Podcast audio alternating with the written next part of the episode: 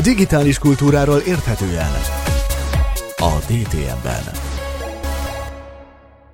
Folytatjuk a műsort Solymos Ákossal, a Quadron Kibervédelmi Kft. szakértőjével, Keleti Artúrral, biztonságtechnikai, illetve kibervédelmi szakértővel, Justin Viktor innovátorral és Szilágy Árpáddal, a műsor szerkesztőjével, és mai aktualitás az, hogy a hírekbe foglalkoztak nagyon sokat azzal, hogy Budapesten a tömegközlekedésben 600, néhány nap alatt 600 kibertámadás érte az új elektronikus vásárlási rendszert. Különböző egymásnak ellenmondó híreket hallhattunk erről, de önmagában ez a hír arról is szól, hogy ma már a hétköznapi ember sem távolíthatja magától ezeket a kibervédelmi témákat, hiszen ilyen rendszerekhez akarnak jogosulatlanul ártó szándékkal hozzáférni, akár egy új jegyértékesítő rendszert is támadhatnak. Hogy ennek mi lesz ennek a történetnek folytatása, ezt majd a következő napokban látjuk, de ezért is aktuális az a könyv, ami most jelent meg a Naima János Számítógép Tudományi Társaság támogatásával, és aminek az a címe kiadásában, az a címe, hogy IT biztonság közérthetően, és az egyik szerzője Solymos Ákos, nagy szerencsénkre most itt ül a társaságunkban. Meg is tudjuk mutatni ennek a könyvnek a címlapját.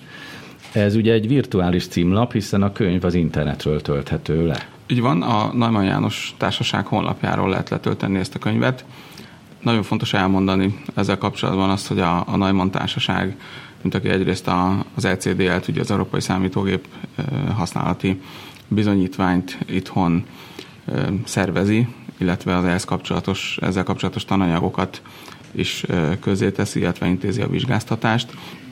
Egyre nagyobb hangsúlyt fektet arra, hogy a, a felhasználók, az átlag felhasználók, azok biztonságtudatosak legyenek. És ez a könyv is ezt a célt szolgálja igazándiból ez egy, ez egy szép hosszú tananyag, nagyon fontos elmondani ezzel kapcsolatban, hogy ki lett minden olyan nagyon mély technológiai és nagyon magas stratégiai dolog szedve belőle, ami, ami nem feltétlen felhasználó barát, és így ami most maradt, az, az egy az egyben egy olyan tudáshalmaz, amivel felhasználó nap mint nap találkozhat. Tehát röviden ez egy közérthető. Ez egy közérthető. És olyan alaptémákat dolgoztatok fel benne, hogy mik azok a támadások, mik a, mi a biztonság, és ilyen alapfogalmakat tisztáztok. A könyv egy pár alapfogalom van, és utána pedig arról szól az egész tényleg, hogy milyen típusú támadások voltak, vannak mostanság, tehát hogy a felhasználó hogyan tudja a saját adatait, rendszereit megvédeni, illetve egy kicsit túlmutat mm, abból szempontból az informatikai biztonságon, vagy, vagy az adatok védelmén, hogy kiterjed például a bankkártyacsalások kezelésére, kiterjed arra, hogy hogyan lehet internetes zaklatást felismerni, kezelni, és hát tényleg minden olyan dolgot, amivel manapság támadás szempontjából felhasználó összefuthat. Hoztál nekünk néhány példát is a személtetés kedvéért. Például elég sokat hallhattunk a médiában arról is, hogy mire kell odafigyelnünk. Például a bankok is figyelmeztetnek ma már bennünket arra, hogyha egy weboldalnak a címét látjuk, és nem ott látjuk azt a bizonyos címet, ahova kellene mutatnia, akkor legyünk gyanakvóak azonnal.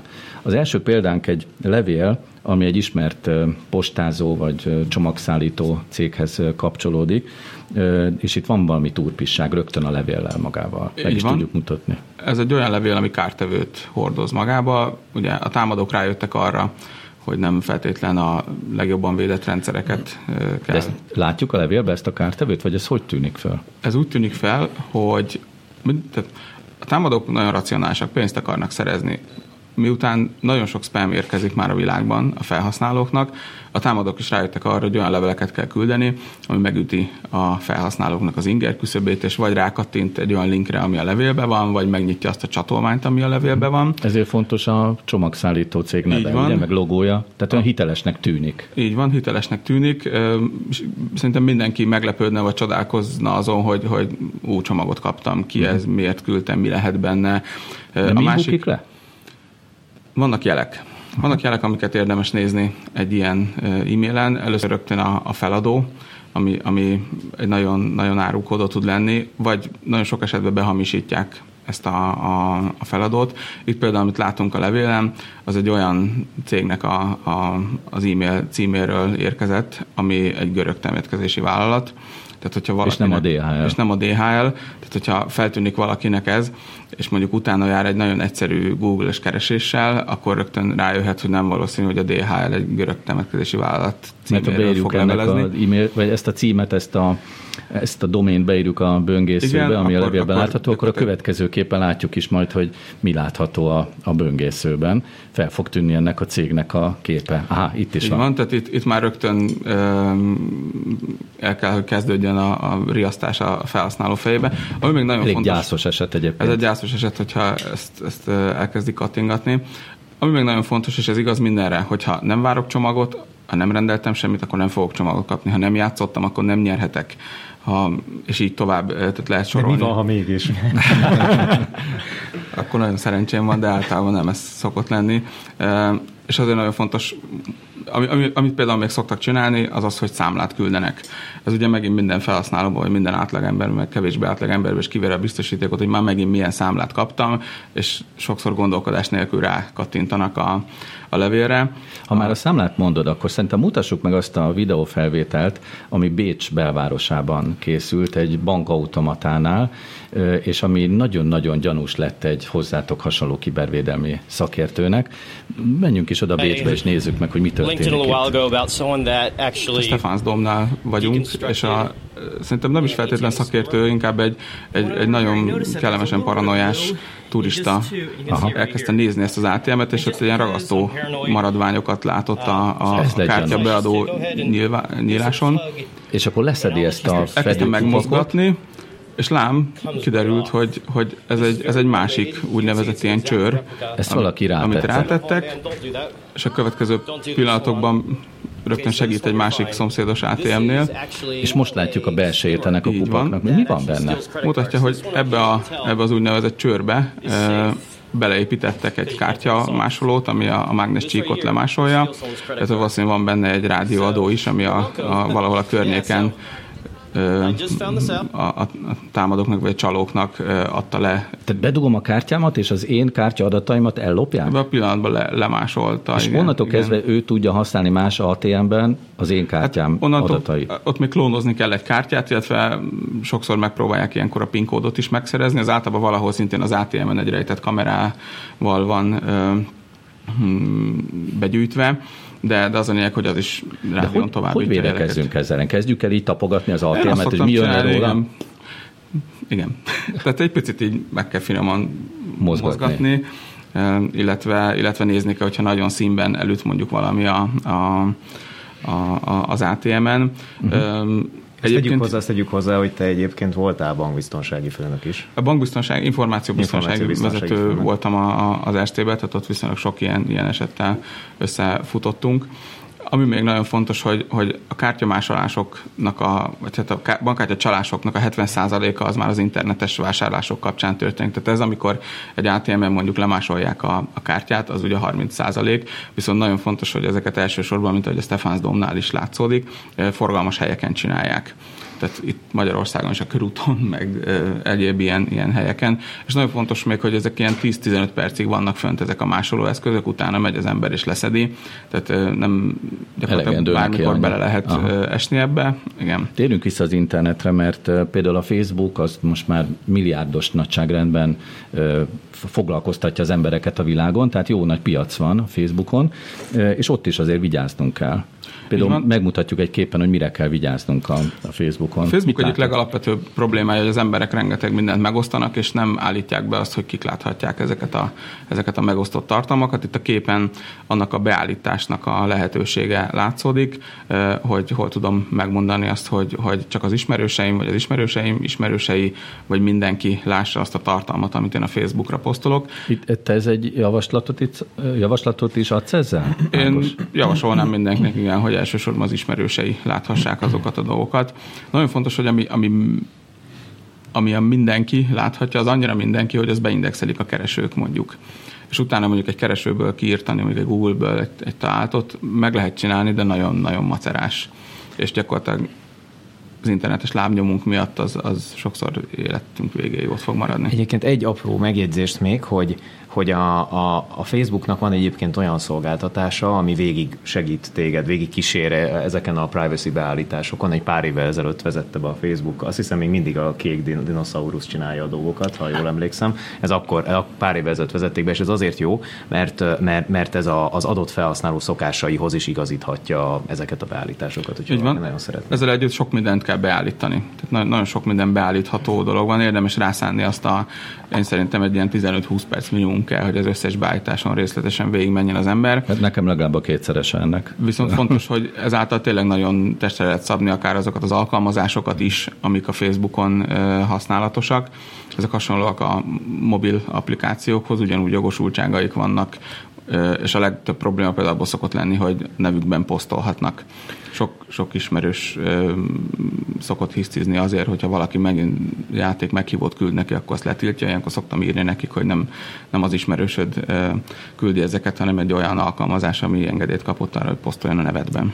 IT biztonság közérthetően ez a könyv címe, és ez ingyen letölthető az NIST weboldaláról. Erről beszélgetünk, és ez adja most az apropót, hogy szépen sorba vegyünk ilyen témákat, ami jelzi azt, hogy milyen hatalmas téma bokor keletkezett már az IT biztonság területén, és van még, tehát sorolhatnánk akár, nem fogjuk a végtelenségig sorolni, de például vannak a, a csaló levelek is, amire nekünk van itt most egy példánk, egy, egy scam nevű levélre. Igazán ez, ez nem levél, de ez is egy olyan formája az internetes pénzszerzési lehetőségnek a csalók által, ami a mobil alkalmazások esetében szokott terjedni. Ez mobilon van, amit most látom? Ez mobilon van, ez, ez négy darab, illetve egész pontosan öt darab mobil képernyő Aha. mentés.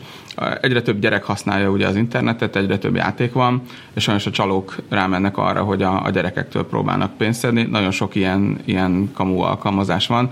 Itt például az egyik olyat látható, ahol korlátlan arany meg gyémánt felhasználásért cserébe végig kell kattingatni ezt itt, az alkalmazást. Itt mi gyanús nekünk? Itt az, hát egyrészt az, hogy mint ahogy a, ha nem játszottam, nem nyerhetek, hogy nincsen ingyen vacsora. Tehát uh-huh. nem, nem lehet ingyen a ilyen dolgokat ugye? szerezni. A józanész, igen, a JPE módszertan, a józan paraszti ész. és itt is az a vége tulajdonképpen, hogy ugyan ingyen van, de valamit le kell tölteni, illetve hogyha az ember elolvassa az apró betűs részt, akkor ezzel a letöltéssel feliratkozik egy heti 3800 forint per SMS-es szolgáltatásra, amiről nem biztos, hogy meg vagyok győződve róla, hogy nehéz leiratkozni. Ezekkel is foglalkozol a könyvben?